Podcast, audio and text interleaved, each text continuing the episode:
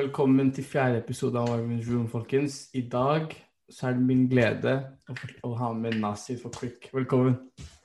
Takk skal du ha. Takk skal du ha, Marvin. Tusen takk for at du er her i dag.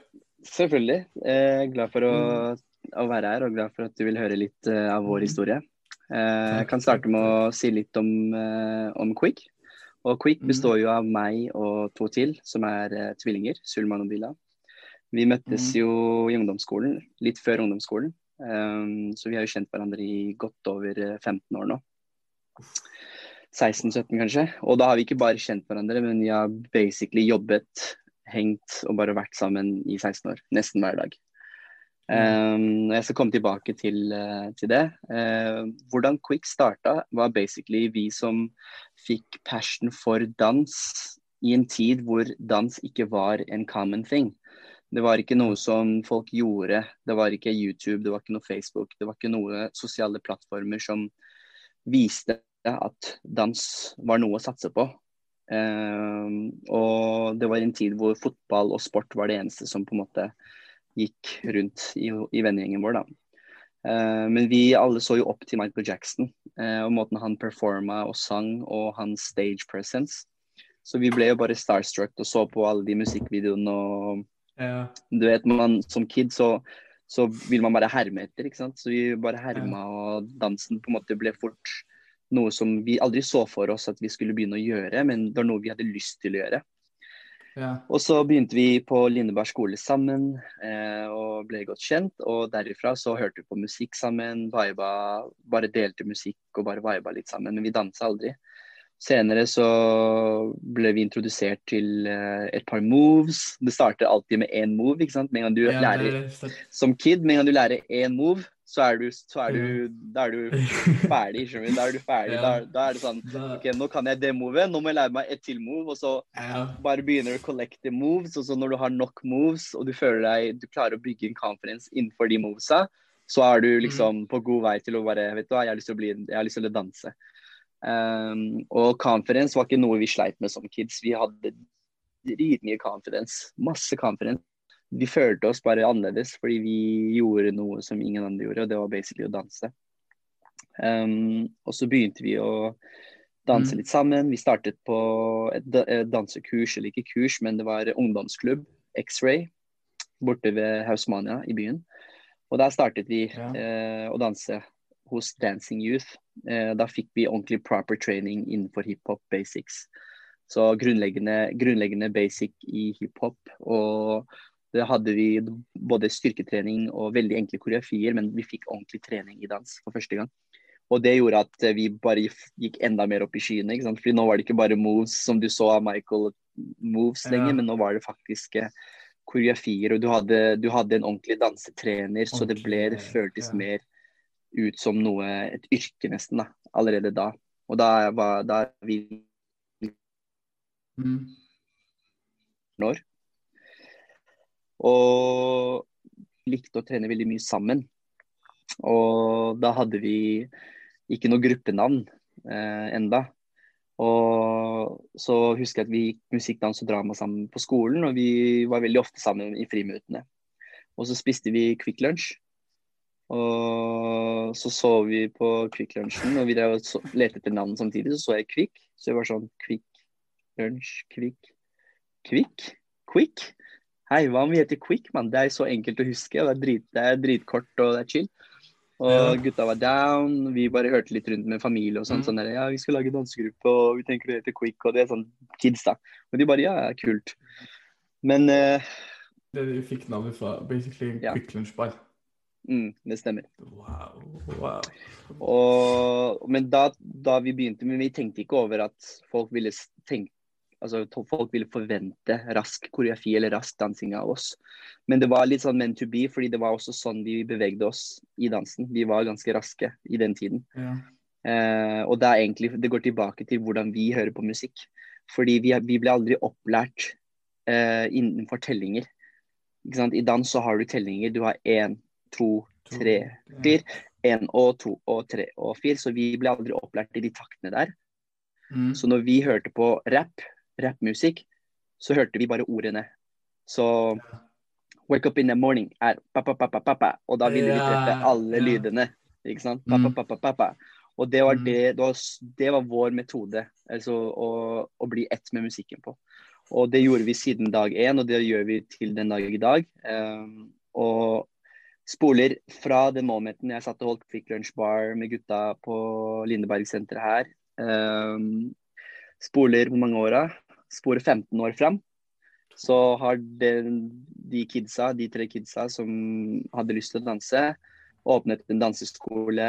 Um, Vunnet Norske Talenter først, da de fikk Mm. penger. Åpnet en danseskole som 18-åringer. Eh, reist verden rundt og undervist eh, i workshops, dansecamper. Headlina på de største dansecampene i verden. Og judga commercials. Vært på Ja. World of Dance. uh, Vært på en god del TV TV-konkurranser. og så har vi, har vi um, fått muligheten til å reise, som jeg sa. Og gjort mye uforventa ting som vi aldri skulle forvente at uh, vi skulle være med på. Og det var uh, det å jobbe med artister, det å undervise innenfor dans, det å stå på diverse scener både i Norge og rundt i verden. Det har bare vært en, eh, en reise som vi ikke har klart å stoppe opp og fordøye enda. Så det er det mange sier, da. At dere stopper jo aldri opp og, og fordøyer det dere faktisk har gjort. Dere bare fortsetter på det neste. Og det er, sånn, det er faktisk sånn vi alltid har vært. Ikke sant? Det kan være alt fra um, da vi vant Norske Talenter. Og, og det første vi gjorde da, var å signere kontrakt med Sony som artister. Og så var vi på turné i Norge.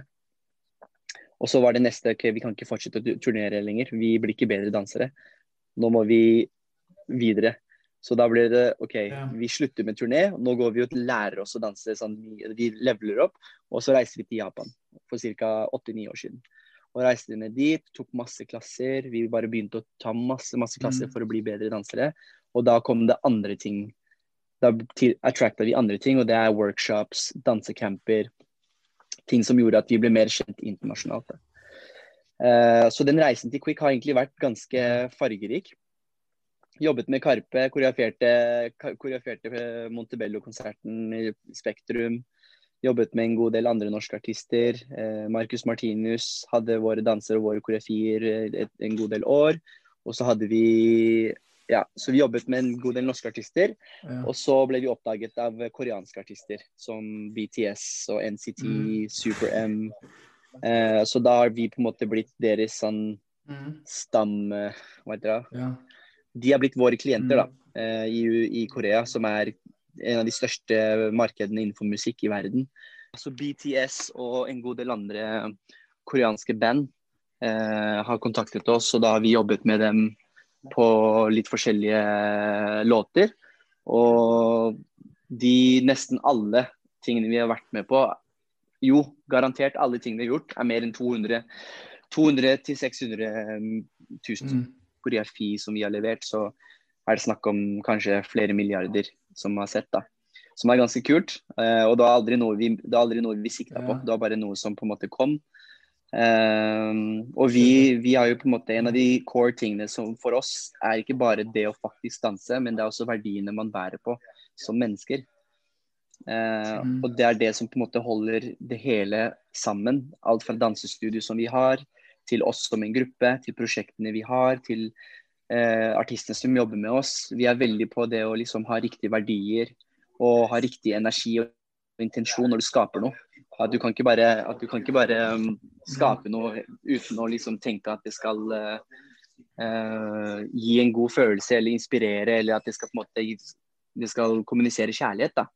Så, så det er liksom, vi, vi, er, vi er litt mer picky på at ting ikke bare kan bare lages sånn Bare lages bare for å lage. Eh, ting, ting skal ha en betydning, de skal ha en purpose. Og det er det som på en måte har vært vår Det skal være en purpose bak det. Du bruker tiden din, eh, du bruker eh, life. ikke sant? Tid er ting du ikke får tilbake. Så hvis du gjør sånn, men Mm. gjør det med en purpose. Um, og det er det liksom vi tre har Mm. vært synka på. Vi alle tre er, eh, er også muslimer.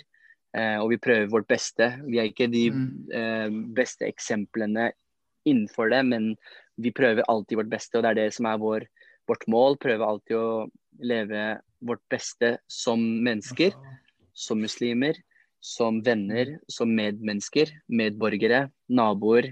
Det er liksom, selv om det er dager du ikke er god, men alltid prøve ditt beste. Det er det man alltid vil lande på. Mm. Eh, så det er det som er, eh, beskriver oss tre best. Uh, gutta har uh, fem søstre, jeg har en søster og en bror. Vi har veldig stor sånn, familie og veldig mye Mm. familiekjærlighet. Hjemme hos gutta er det jeg tror nesten 30 nevøer og nieser. Eh, så vi er omringet av masse kids, masse pure love. da. Eh, og veldig takknemlige for det vi har hjemme. Eh, og det er derfor vi har overskudd til å gi den kjærligheten vi gir til elevene våre, medlemmene på studio, instruktørene våre og mennesker rundt i verden. da. Så vi tror veldig på at ting har en purpose, og at vi også har en mission og en purpose som individer og som en gruppe. Um, og det på en måte er et result, og alt vi gjør er et resultat av at vi tror på det. At, at vi gjør det med en purpose, ikke sant.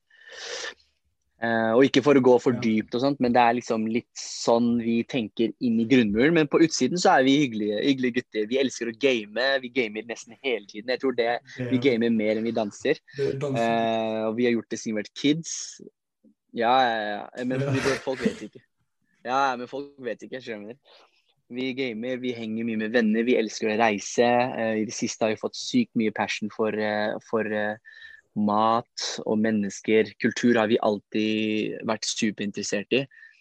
Um, så det er Ja, det har jo Mm. sett. Det har alltid liksom Vi ser jo det danser jo forskjell Mm. til forskjellig musikk. Dere reiser til.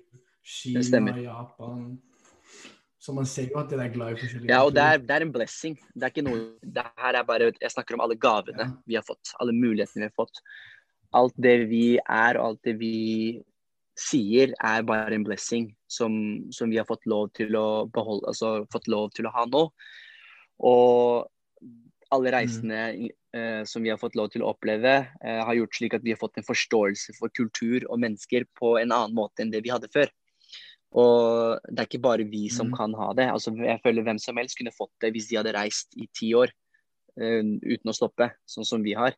Og det har vi vært heldige med å fått. Forstå Mm. hvordan kinesere og kinesiske familier oppfører seg med hverandre. Hvordan det har vært i Japan, hvordan det har vært i USA, hvordan det har vært i, i Øst-Europa. Altså, det er liksom folk Mennesker er mennesker, uansett hva. Alle har kjærlighet. Alle har kjærlighet, og, og alle uttrykker den kjærligheten på forskjellige måter. Ikke sant?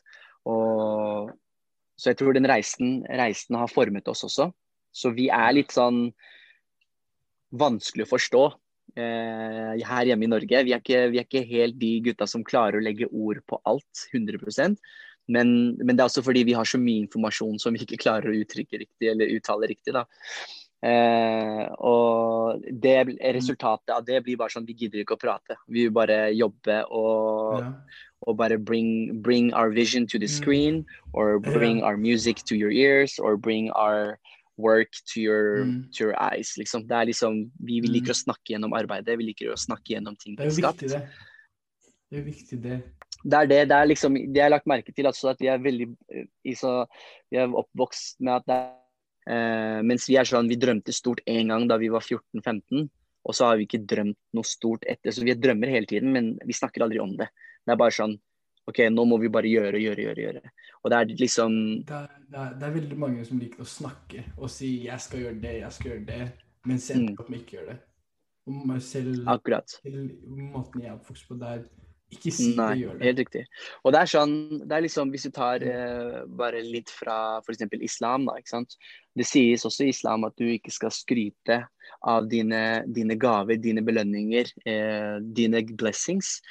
Fordi det er veldig ofte at hvis du har en misjon eller du har fått noen gaver, og det er veldig mange som på en måte får øye på det, så kan det være noen, noe i deres subconsciousness som sender ut en vibe som kan stoppe deg fra å nå det. Ja. Eh, og det er liksom evil, Ja. evil eyes, da. Eh, hvis man går direkte på Mm. hva det egentlig er.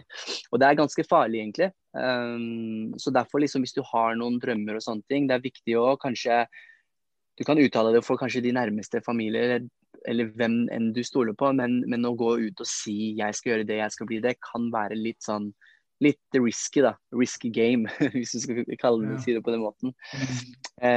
Dine ja, og vi har jo altså vi er jo ikke Vi har ikke fått til alt vi ønsker heller. Vi drømmer stort, og vi deler våre visjoner og tanker, vi også. Eh, Noen ting går i boks, og noen ting går ikke Ja. i boks. Men det er det.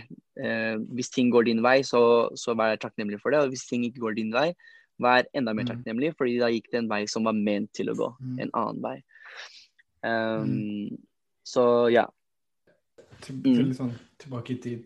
Hva, hva sa familien deres når dere liksom sa sånn OK, vi skal danse. Vi skal ikke gå på skole, vi skal ikke studere medisin, vi skal ikke bli leger. Jeg kan se for meg, i hvert fall um, som medmuslim Ja. Mamma sier helt Ja, klart ja. til meg jeg vil at du skal være lege, jeg vil at du skal være advokat, jeg vil at du skal være pilot. Men eh, dansere Og det jeg tror at altså, mm, familier med minoritetsbakgrunn, eh, grunnen til at de ønsker å sikte veldig høyt, er fordi man føler at man har dårligere sjanse. mm, Man føler bare at man er, man er gjester i et land, og derfor så må man være enda grovere enn alle i rommet hvis vi skal klare oss bra. ja, Som faktisk, Det er litt trist, men det er sant. det er, ja. Eh, at man må jobbe ti ganger hardere enn alle andre i, i rommet fordi pga. at vi altså Når jeg sier vi, så mener jeg liksom ikke vi som, vi som er født her, men Mm. vi som på en måte kom hit som innvandrere. ja. Eh, foreldrene våre f.eks. De måtte jobbe ekstra hardt for å på en måte klare seg. Eh, klare seg. Mens vi er jo norske.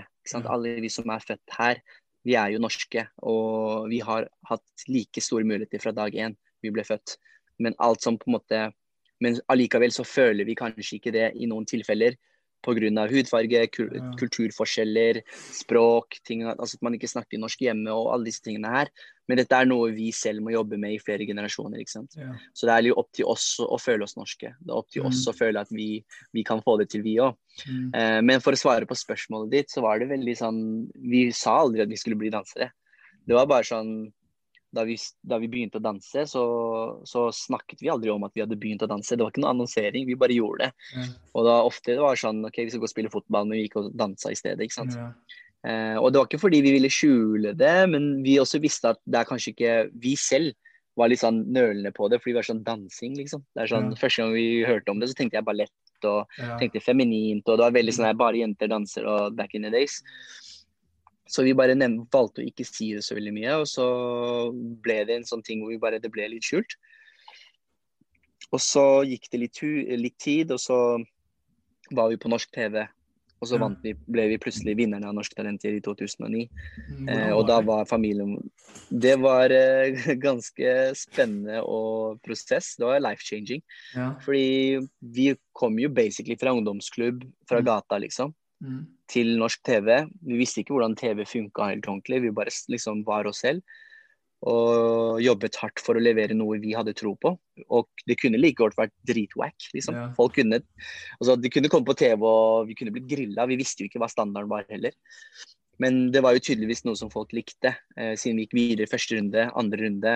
Og da vi var i finalen, var vi helt bestemt på at ok, dette her er, vi vinner jo ikke dette her, men det var sykt gøy at vi kom til finalen. ja. Og da sa vi til hverandre backstage og bare Det her er en sånn Vi er liksom, Det her er veldig litt sjanse, fordi de vi møtte, var jo sykt dyktige. Og ikke nok med det, så var de også opp, eh, etnisk norske.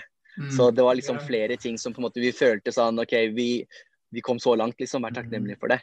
Men da vi hørte at liksom vinnerne med et hvor mange prosenter, det var sånn 30 prosent eller et eller annet sånn, og så da de sa quick, så var det sånn det var, det var virkelig noe man ikke skulle tro, fordi vi hadde lagt fra oss tanken på at vi kunne vinne. Ja. Vi la det helt fra oss. Eh, så det var liksom vi, Men inni oss alle så hadde vi håp. Så vi forventa jo at vi ikke skulle vinne, men vi håpet jo på å vinne. Og da det skjedde, så begynte jeg, jeg begynte å grine, liksom. Jeg var sånn Fy søren, det var Mm, helt vill opplevelse, fordi vi hadde trent sykt hardt for det, og krangla og døgna og liksom Det var sånn Vi putta virkelig mye arbeid i det. ja. Blood, sweat and Eh, og når Ja, ja, fordi når hard work Altså når du Når hard work pays off, det er den beste følelsen. Noen ganger du jobber litt, og så payer det off skikkelig. Ja. Det er sånn, det er bra følelse, liksom. Mm. Men når du jobber drithardt for noe, og du faktisk liksom kommer på toppen Mm. Fordi det som er det annerledes å liksom jobbe hardt og tjene, tjene penger. Fordi da er det sånn du har jobbet for det, du forventer det. Men når du jobber hardt, og du ikke tjener penger, men du klarer å, du klarer å vinne over mange andre som også har jobbet hardt, så er det sånn Det er en annen følelse, da.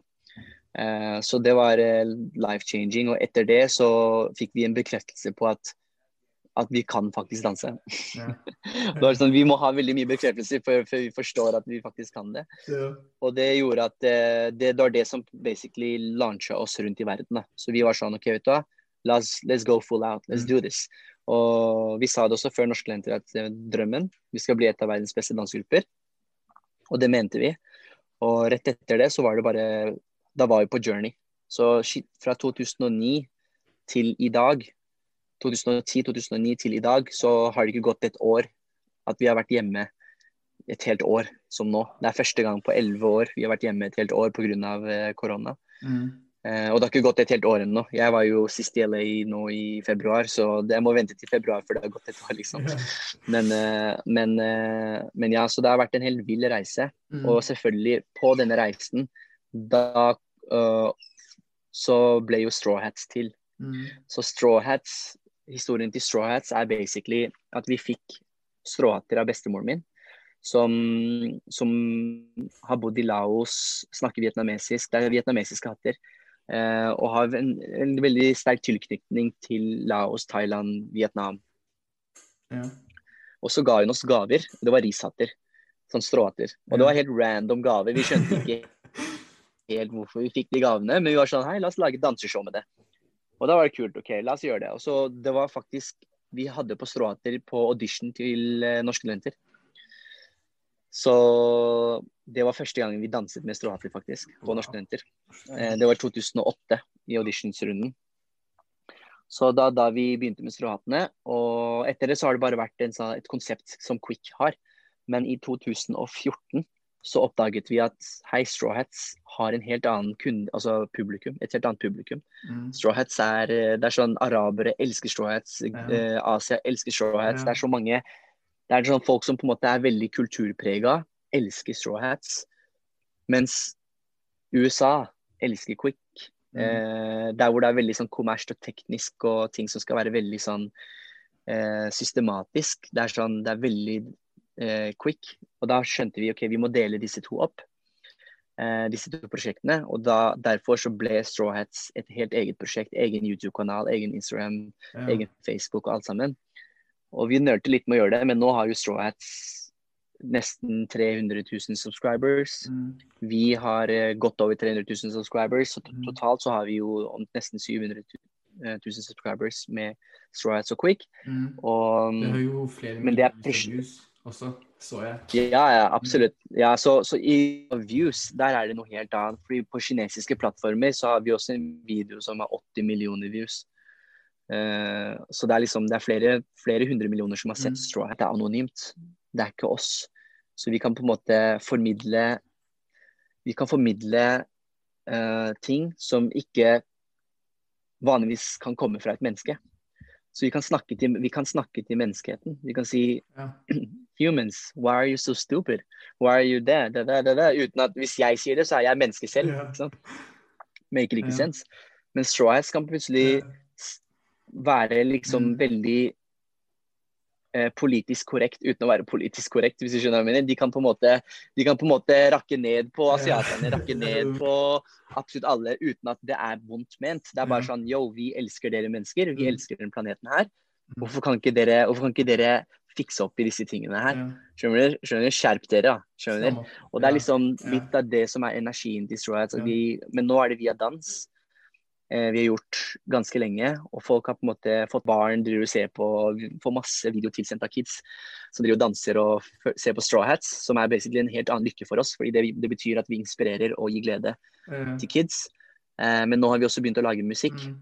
så da har vi teama opp med en av de mest dyktigste produsentene i Norge, eh, som heter William Larsen. Og han, har basi- han er basically OG DJ-produsent i Norge, som, som har gjort eh, alt fra Karpe Bydur i dur, eh, Krølla 50-lapp til Am I Wrong, til i Norge. Så har han gjort store internasjonale låter, jobbet med Acon, Damien Marley, alt annet, alt som er der ute. Og nå er han på en måte ansvarlig, eller han er, med, han er partner i prosjektet Straw Hats som musikkansvarlig.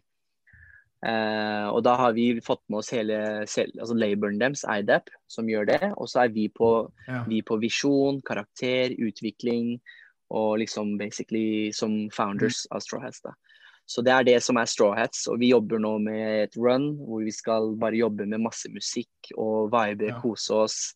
Se liksom hvilke kulturer vi vil ha med, eh, musikkvideoer, bare lage masse Mm. fete visuals. Mm. Og så skal vi bare droppe det på, på verden og få håpe at eh, det inspirerer til kjærlighet, det inspirerer til å bli Mm. bedre, det inspirerer til til å faktisk skape noe som man aldri har sett før. Ikke skape noe som man har sett før, og ikke skape noe som rakker ned på andre.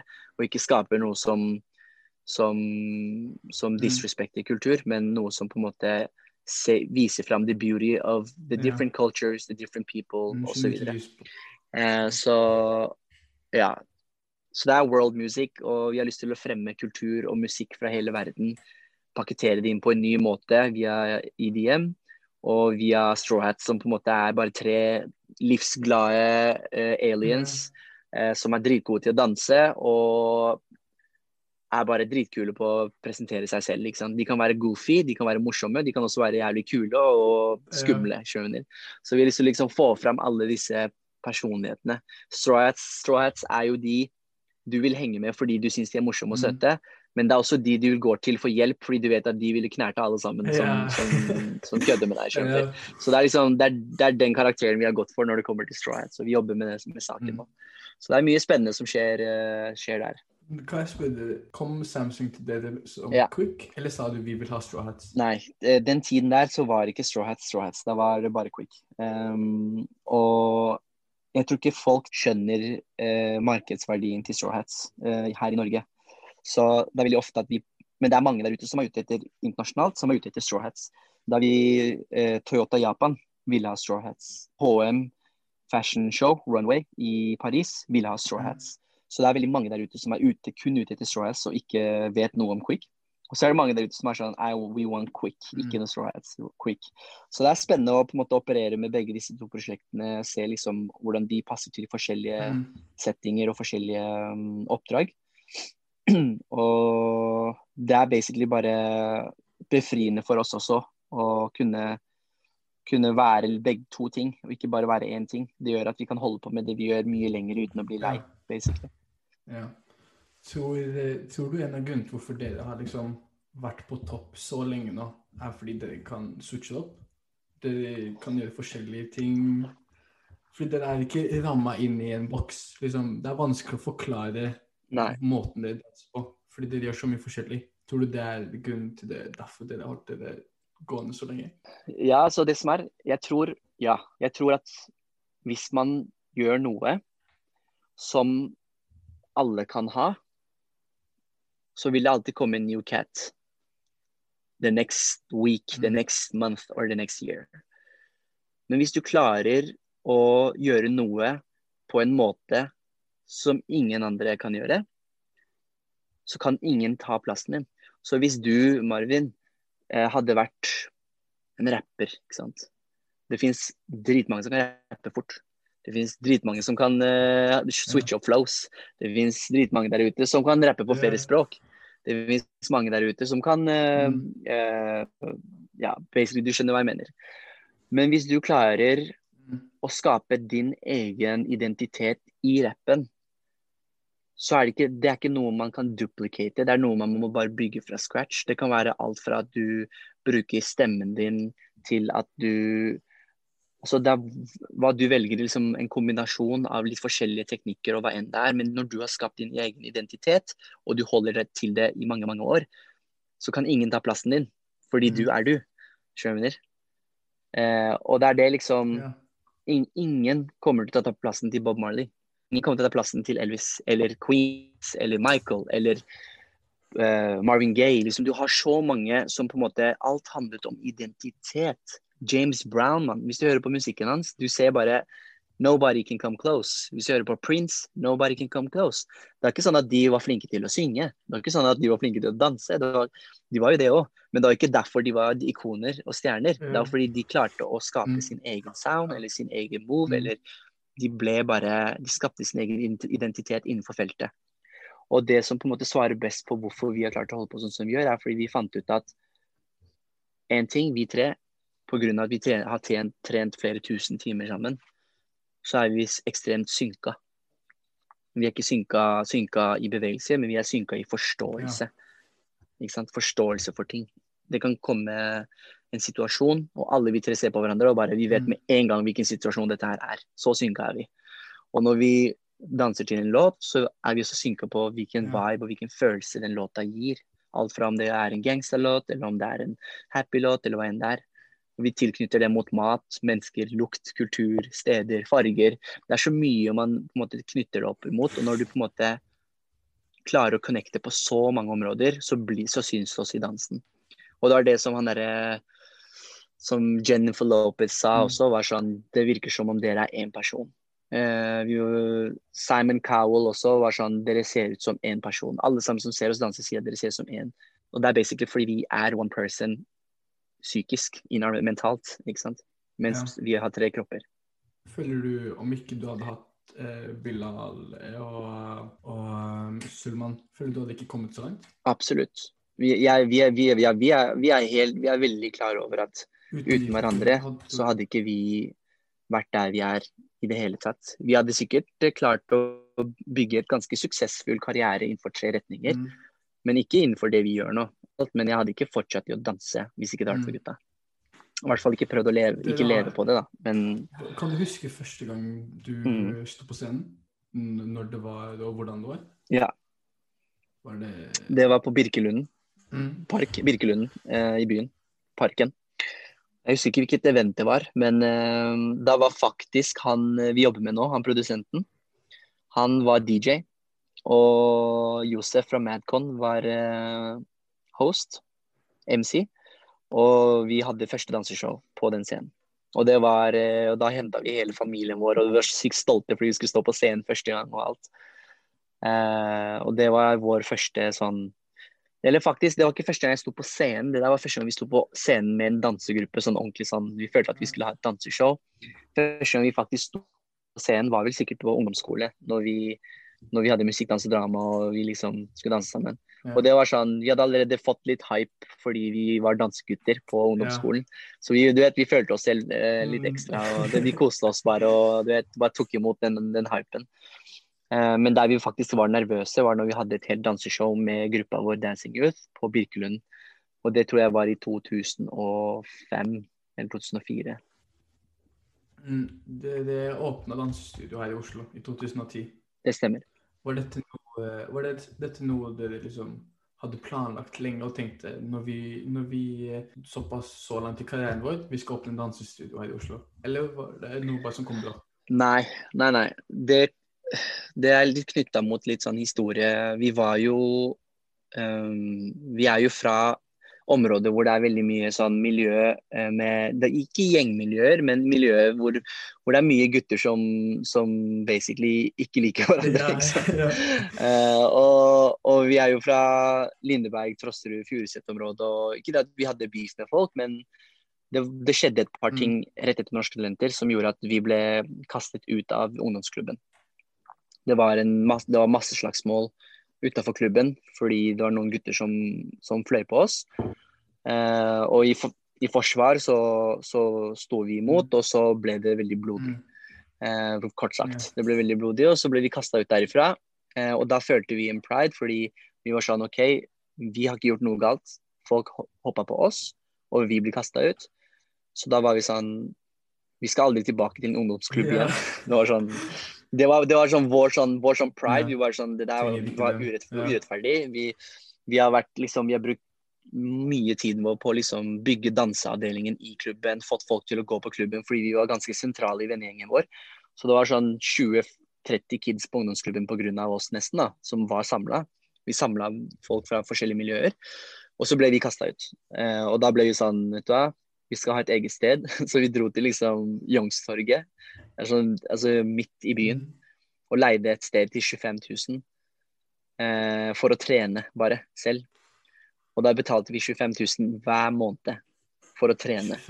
Og det gjorde vi i ett år, eh, til vi skjønte at OK, pengene våre begynner å renne ut. Vi må begynne å kanskje holde klasser. Og så begynte vi å, å holde Så åpnet vi opp for undervisning. Så lærte vi vennene våre, så vi hadde sånn tre-fire elever. Jeg tror vi charga sånn 800 kroner eller 1000 kroner eller sånt for et semester. Så vi tjente ikke en skitt på det, da. Men det var energien i det å starte et sted for ungdom. Og det tok jo helt av, fordi folk bare Hei, Quick-gutta åpnet studio, og folk begynte å henge der. Det ble en, sånn det ble en ungdomsklubb plutselig. Så var det plutselig 30-40, og det begynte å komme folk fra Bærum, og det ble liksom et ordentlig sted som vi måtte ta seriøst. Så uh, derifra så utviklet det seg til at vi hadde barneklasser, foreldre kom, jeg hadde direkte kontakt med alle foreldrene. Og vi lærte dem basically bare hva vi kunne. Basically hva vi hadde lært fra gata, hva vi hadde liksom følt at det er oss, da. Og det var Quickstyle Studio i 2010. Eh, og der vi er i dag, uh, vi har hatt ups and downs, uh, men vi også var på en peak rett før korona hvor vi ikke hadde plass til flere elever. Ja. Og, og, nå er det tilbake til liksom det å jobbe, måtte jobbe seg opp igjen fordi vi har vært stengt i mange måneder nå. Um, og pluss at vi åpner, vi åpner nytt lokale nå, så vi driver og utvider mm. med en creative space. Eh, med fotovegg, creative space, eh, musikkstudio, eh, to dansesaler, og vi skal kjøre skikkelig ordentlig opplegg. Og jeg føler at Quickstand Studio skal være the safe place, the safe haven for ungdom som har lyst til å klare seg internasjonalt innenfor sitt kunst. Og det kan være musikk, produsent, eh, det kan være kunstmaleri, det kan være skulptur, det kan være 3D-design, grafisk design. Det kan være um, koreografi, dans, som er vår styrke. Eller om de har lyst til å bli artister. Uh, så, så, det er det vi jobber opp imot. Så det er sånn tiårsplan, men vi ønsker å på en måte være de fremste når det kommer til kvalitet og når det kommer til eksport av kunst fra Norge. Mm. Det, er det, vi, det, er det, vi, ønsker å bli. For det har jo åpna mm. en studio i Kina. Det, ja. Hva slags bånd har det til Kina? Uh, vi eier Studio 50% med partnere der nede. Uh, og det driftes jo av dem og alt. Og vi har sendt våre instruktører ned til Kina for flere måneder. Så våre instruktører har reist ned dit og tjent uh, godt, altså fått seg godt betalt, bodd gratis og spist og tatt, blitt tatt godt vare på. De får en ordentlig livserfaring, ikke som danselærer, men som et menneske. Og der underviser de klasser hver dag mm. eh, i to måneder, tre måneder. Eh, og det har på en måte vært det samarbeidet vi har, og så er det andre prosjekter som vi gjør med dem. Men Quickstart Studio i Kina er basically et eh, kollaborativt prosjekt sammen med våre partnere. Eh, som er mer et prosjektbasert ting enn et studiostudio, selv om det, den, den runnes som et studio. Det er eh, fire dansesaler, ja. Eh, kafé, svære garderober, stort møterom, kontor, musikkstudio der også, og svær resepsjon. Og det er inni et kjøpesenter. Mm. Uh, inni et kjøpesenter mm. rett, rett overfor uh, Dolce Gabbana, liksom. Så det er ganske high end mm. og ganske crazy at, at vi er der òg. men der har vi mye mindre ansvar, som mm. gjør at, at det er bare et, et branding-samarbeid. Mer enn at vi på en måte stiller opp selv. Mm. Det har jo en kan jeg si, minidoc om eh, Kina hvor, som heter West Meet East. Ja? Yes, yes, yes. Ja, hvor dere reiser rundt til Kina og opplever eh, eh, ting i nye byer. Mm. Kan du fortelle litt om hvordan det var? Det var jo, jeg tror, jeg tror det var sånn vår sjette reise til Kina. Eh, fordi mm. vi reiste veldig ofte. Og så tok vi med oss en kompis, han heter Christian Bastiansen. Eh, sykt dyktig filmfotograf, regissør, klipper. Alt. En sånn one man band-type. Eh, og vi ble gode venner. Og vi var sånn, hør da, la oss eh, ta deg med på en trip. Og så kan du se hvordan det er med oss på reise. Tok man på en trip. Og han bare, han bare lo etter første dag fordi han var sånn Hei, gutta. Vet dere hvor sykt det her er? Ingen der hjemme vet at det står 200 i kø for å ta bilder med dere hver eneste dag når dere er på reise. Ingen der hjemme vet at, at dere står og underviser så proft som, som instruktører, og dere hard opplever dette her. Ingen ser noen av disse tingene her. Og da ble det sånn, Vi, vi ser det ikke selv, liksom som jeg fortalte. Vi er ikke sånn som Mm. fremmer det så mye. Vi er bare sånn, vi bare gjør det. Og da ble det sånn Nei, det er sant, ass. Han bare Har det alltid vært sånn? Vi bare ja, ass. Vi har liksom ti i åtte, syv, åtte år så har vi på en måte bare hatt det sånn. Men vi har ikke klart å på en måte dele det helt. Og da var han sånn, vet du hva, jeg driter i det. Neste tur så skal jeg lage en dokument dokumentar, liksom en kort dokuserie. Og så sa vi jo vi er jo nå snart, vi skal til Kina, vi skal ha fem byer, og vi skal ha audition for Quickstyle, Quickstyle, Team Quickstyle China. Han bare ferdig, jeg blir med. Og den serien er basically han som er med på tur og setter oss ned og bare Hei, gutta, sett dere ned, vi skal ha intervju i en time. OK, vi fortsetter på reisen. Han filmer oss hele tiden. Så klarte han å klippe sammen et sykt fett reisedukk. Eh, helt alene. Wow. Det er fordi den dokken det så så profesjonelt ut. Å vite at det var én Ja. person er Ja, altså det ser ut som det er, det Mm. ser ut som det er eh, et fullt Mm. team, liksom, men det er bare Christian som sto bak det hele der. Dere dere dro Så- til uh, Xiamen, Beijing og Shanghai og to andre byer.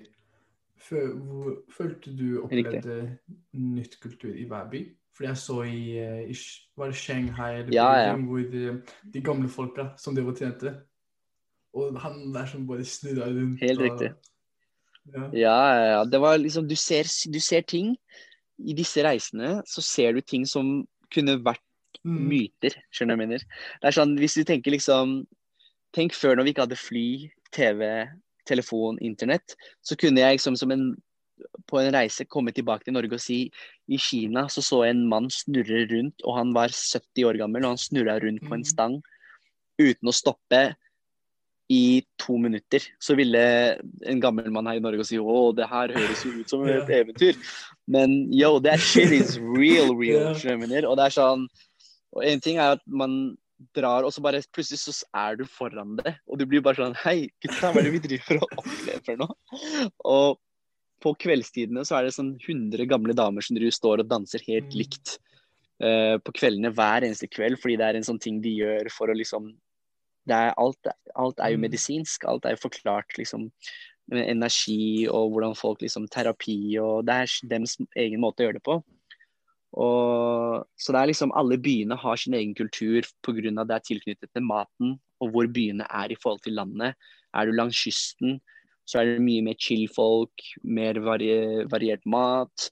Helt annen stemning Mm. hos menneskene. Når du er midt i byen i Beijing, som er en handelsby, så er det bare masse stress, og folk skal høyre, venstre. Det er liksom, folk er mye mer stressa, og du merker det der også. Mens hvis du går til Guangzhou, som er der hvor alt basically blir laget, eh, alle fabrikkene og alt sammen, der også er det en helt annen stemning. Det er mye dårligere forhold fordi folk lever basically som, som Ikke dyr, men de lever bare sånn de, bare, de har bare oppdrag Mm. hele livet sitt. Det er ikke noe vi, altså, de, de kan ikke ha Mm. ambisjoner, liksom. Det er ikke sånn alle bare må jobbe for noen, og så er det bare et sted hvor det, folk bare Flere tusen fabrikker bare lager ting. Så drar du til f.eks. Shanghai, som er mye mer chillere. Der er det mer sånn Mm. turistby, og du kan henge litt, og det er mer et helt annet liv der. Folk nyter livet mer der. Så absolutt som du sier, da, alle byer har helt forskjellige eh, følelser og Mm. kulturer. Fordi eh, jeg har lyst til å dra til Kina. Jeg og svigerbroren snakker helt om at vi skal til Kina, og jeg skulle egentlig i år dra til Kina med skolen min, men det ble ikke noe av. Men- Ok.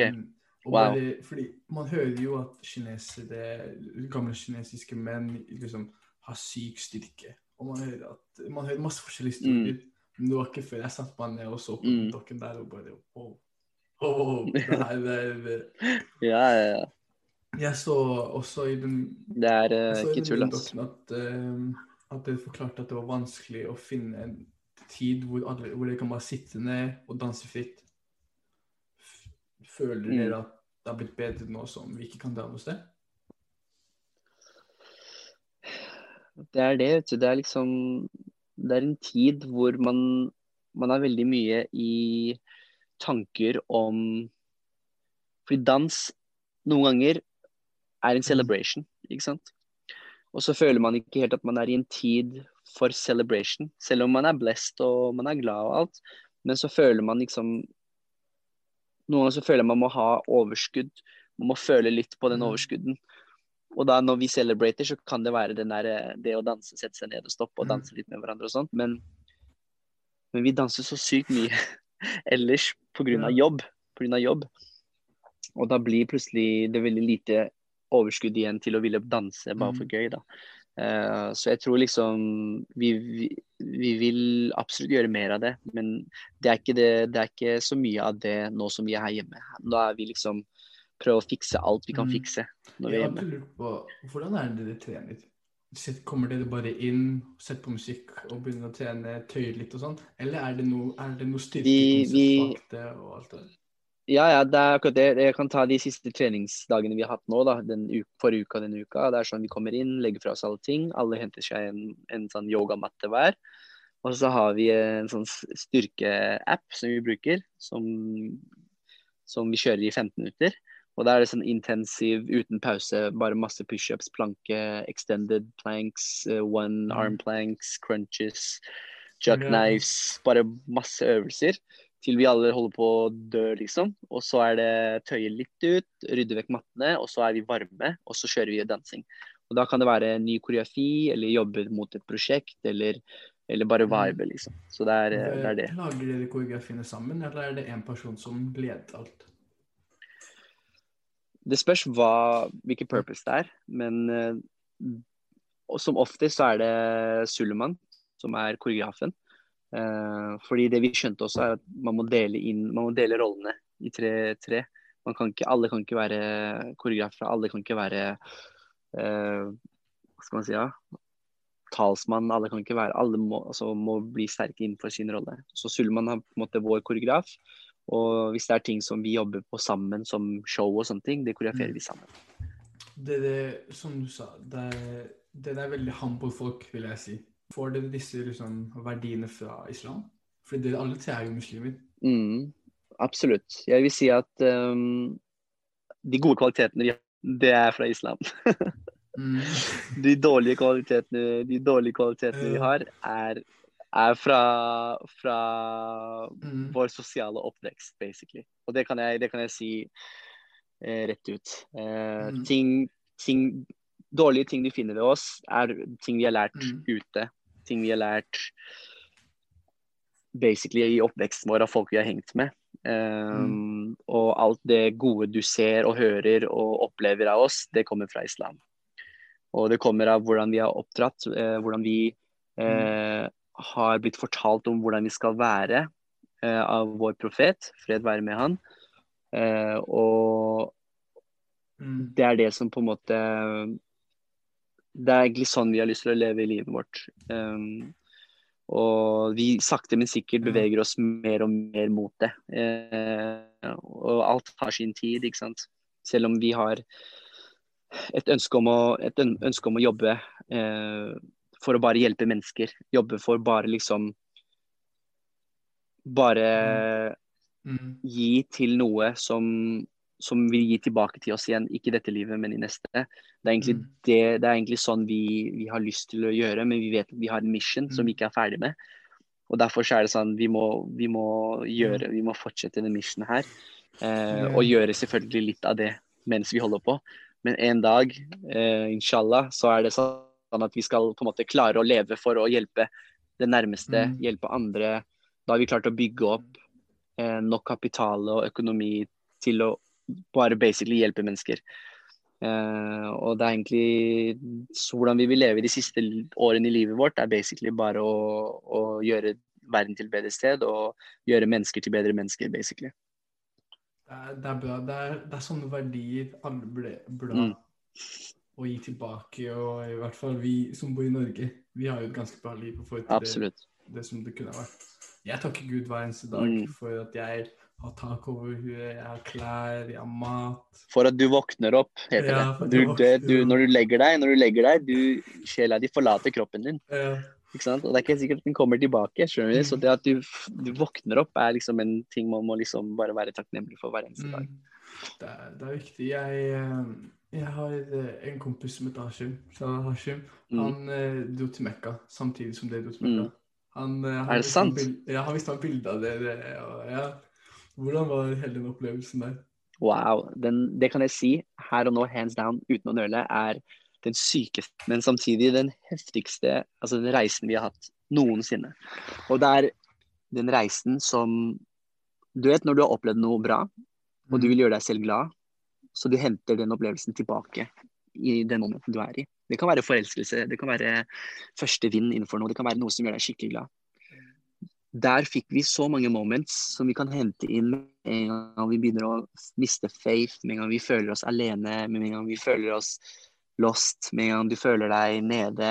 Henter du inn det, bild, det bildet av at du har Mekka, Kaba foran deg.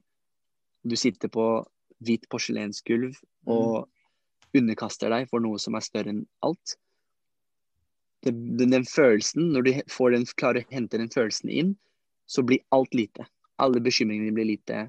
Døden blir ikke skummel. Um, karriere, jobb, alt sammen blir sånn It's fine. Mm. Du, liksom, du kan hente den, det bildet. Og det er, sånn, det er den beste investeringen vi har gjort eh, i livet vårt, fordi tilbake. Vi, vil, vi vil tilbake nesten hvert eneste år. Liksom. Det, er, eh, det tror jeg har gitt oss sykt mye boost innenfor alle de verdiene som har tatt oss med så langt.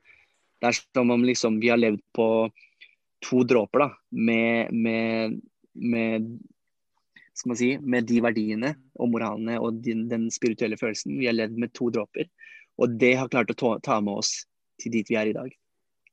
Fantastiske venner, fantastiske støttespillere, fantastisk opplevelse og reise som vi har fått, har vi klart å få til fordi vi har klart å bære oss selv på den måten, ved hjelp av to dråper av den følelsen vi fikk. Og når vi reiste ned dit, så fikk de plutselig en bøtte. Og når du kommer tilbake derfra da, så er det bare sånn Du gleder deg til å møte mennesker. Du gleder deg til å til å havne i Mm. situasjoner som du ikke ville taklet før. Du gleder deg til, til livet på en annen måte. Så ja, det var en helt vill opplevelse. Jeg hører, jeg, fordi jeg hører når man som jeg Mekka, så og når Mm. du kommer tilbake, du bare Synet ditt på livet endrer seg. Du er ikke like sur.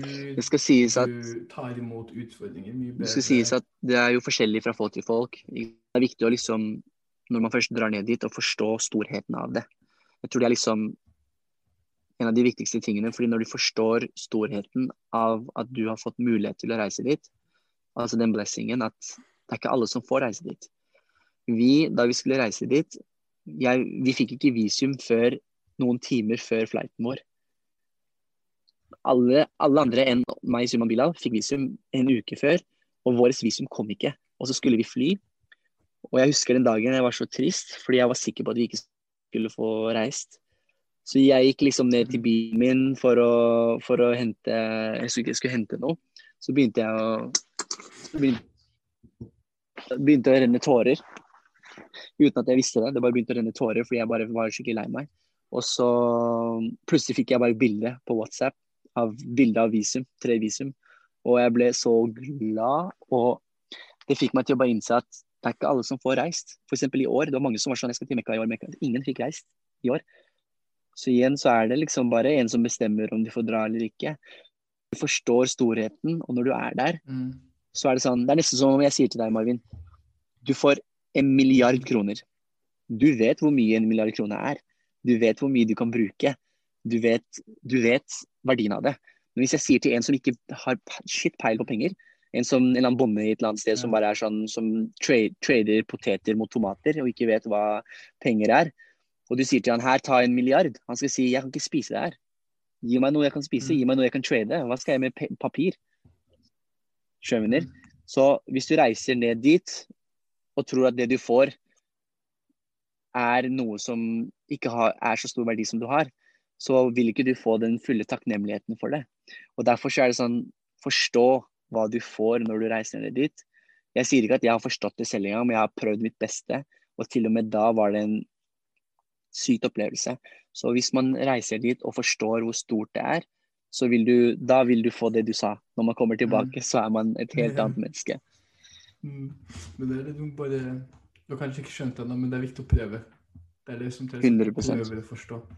100% Du, eh, du, er ikke, du er ikke bare interessert i dans. Ja, ja, jeg er en, jeg er en Skal man si, ja. Jeg er en jævlig nysgjerrig person. Jeg er veldig sånn Jeg vil vite Mm. hvordan ting blir laget, hvordan ting funker. Som i veldig ung alder så drev jeg og hacka PSP-er, og jeg var, jeg var liksom en sånn IT-nerd IT-nerd ganske tidlig, fordi jeg ville forstå ting.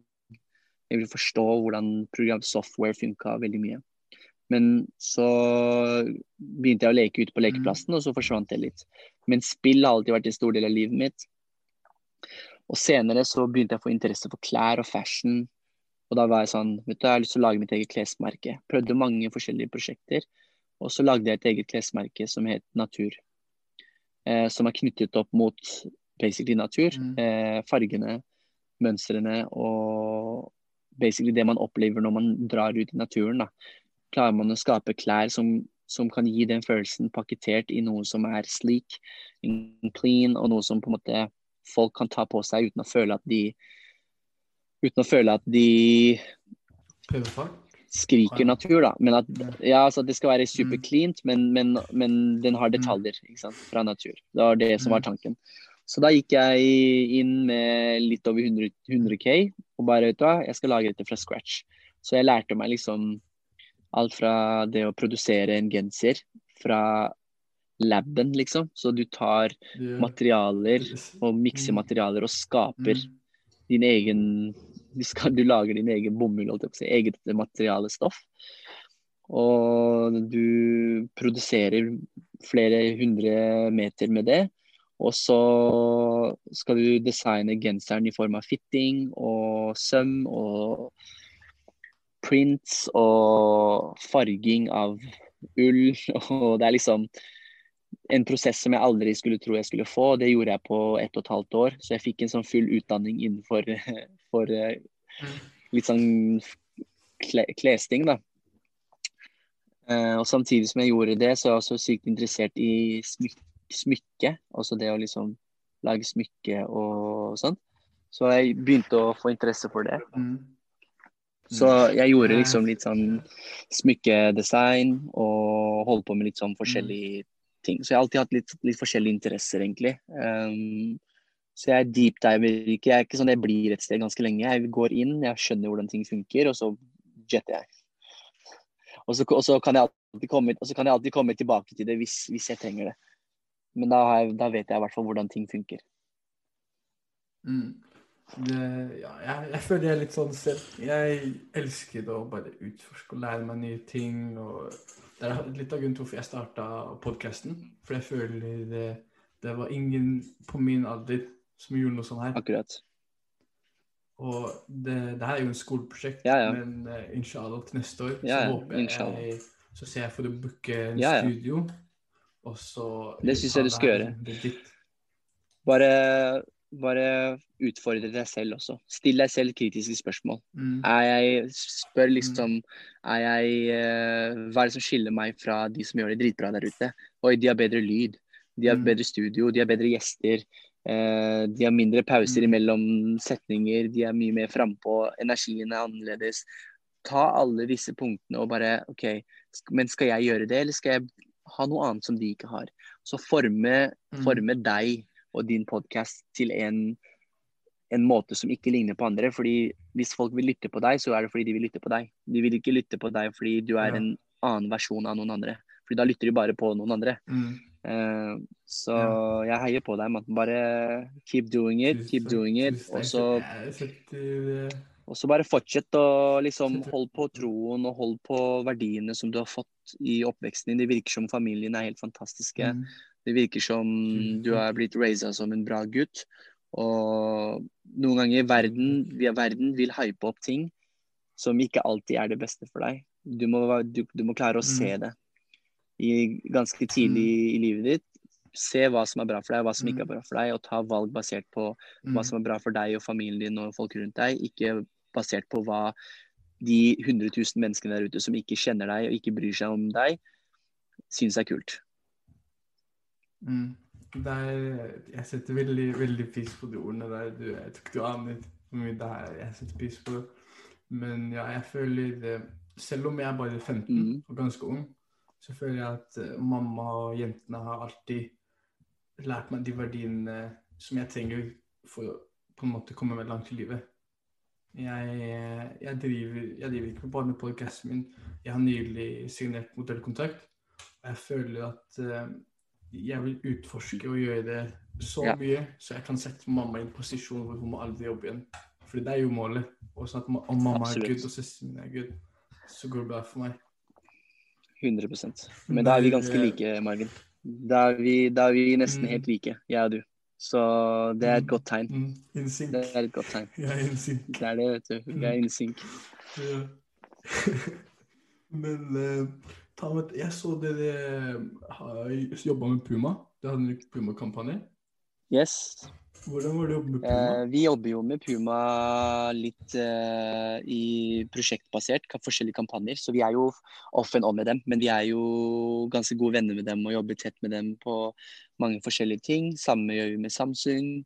Eh, og det er alltid gøy å jobbe med dem, fordi de, har de gir oss så mye tillit. De er bare sånn vi, De har skjønt hvem vi er, og det er veldig få brands som skjønner hvem vi er. Mm. Eh, fordi de gidder ikke å sette seg i det. og og det, forst- det forstår jeg, fordi det er så mye å sette seg i. Men Puma har på en måte forstått hvem vi er, og Mm. de ville ha en video av oss som ikke bare danser, men også forklarer litt noe av de andre tingene vi gjør. Og det satte vi sykt stor pris på, fordi vi, vi var og er dansere, men det er noe som vi ble stempla som siden vi var eh, 15-14. Ikke sant? Vi er snart 30. Så, og da kan du tenke deg hvor mye utvikling som har skjedd i de hodene. Eh, og vi har reist hele livet, halve livet vårt. Og du kan tenke deg hvordan vi har lyst til å vokse, ikke fra, men vokse med og ut av dansen. Um, og det er det vi har gjort. Og det er det vi prøver å få folk til å forstå, at vi er mentorer, konsulenter for artister. Vi er regissører, creative directors for visuelle prosjekter. Vi er koreografere og dansere. Vi er prosjektledere. Hvis du har lyst til å få til noe som ingen har sett før. Vi er, vi er basically projectors, da. Så alt du ser og hører og smaker, kan vi være med på å få til å skje. Med en standard. Um, har du noe råd til har du noe råd til eh, folk som prøver å bli stor med, det, med kreativiteten deres, som prøver å komme ut der, og kanskje det dere gjør, eller noe mer? Ja, det jeg kan si er consistency. Når du først gjør noe, gjør det over lengre tid. Ikke stopp med det. Selv om du får lite views eller hva enn det er, gjør det. Men heller, men det er en hake ved det. Du kan ikke bare gjøre det. Ikke bare gjør det. Gjør det, men alltid prøv å forstå hva som funker og ikke funker. Og utvikle det mens du gjør det. Og det kan være alt fra podkast til musikk, til dans, Mm. til musikkvideoer, eh, tegninger. Bare fortsett å gjøre det hver eneste dag, eller gjør det så ofte du kan. Og gjør det alltid med en følelse på at du skal bli bedre. Ikke sant. Eh, så neste podkast du har, prøv å finne i hvert fall én eller to ting du Mm. vet du kan, du kan bli bedre på, og så add det. Og når du har gjort det ferdig, og fiksa det etter to-tre podkast, så tenker du det samme. Hva er det jeg kan gjøre bedre nå? Til slutt, og når du er 18-19, Marvin, så har du en podkast Mm. med 600 000 lyttere, norske lyttere, og alle vil henge med deg på podkasten din fordi du har respekt, du har gode verdier, du er fet, fet gutt, og du har intervjuet en god del folk som, som folk digger. Så, så jeg mener liksom consistency and, and do it with Mm. do it with uh, a purpose og, og vit liksom hva du kan bli bedre på, basically. Og aldri vær redd for å spørre om råd. Aldri verre redd for å spørre om råd. Vil eh, alle de som hører, her, hører på nå, hører at consistency er key. Og bare fortsette med det du driver med, og holde opp og aldri liksom miste motet. Tusen takk til deg, eh, Nasir, som kom på og tok tiden din og Mm. snakka med meg. Jeg, jeg setter veldig pris på det. Nei, samme. Tusen takk for at du, du ville snakke med oss. Det er eh, ikke hver dag en 15-åring eh, 15-åring sier at han har fulgt med på oss i 6-7 år, liksom. Det, er, det betyr mye for oss også. Det er viktig at du vet det. Tusen takk, tusen takk. Mm, og tusen takk til alle som lytter på. Setter pris på dere. Yes. Uh, everybody be ready for the next. Vi ses. Hei.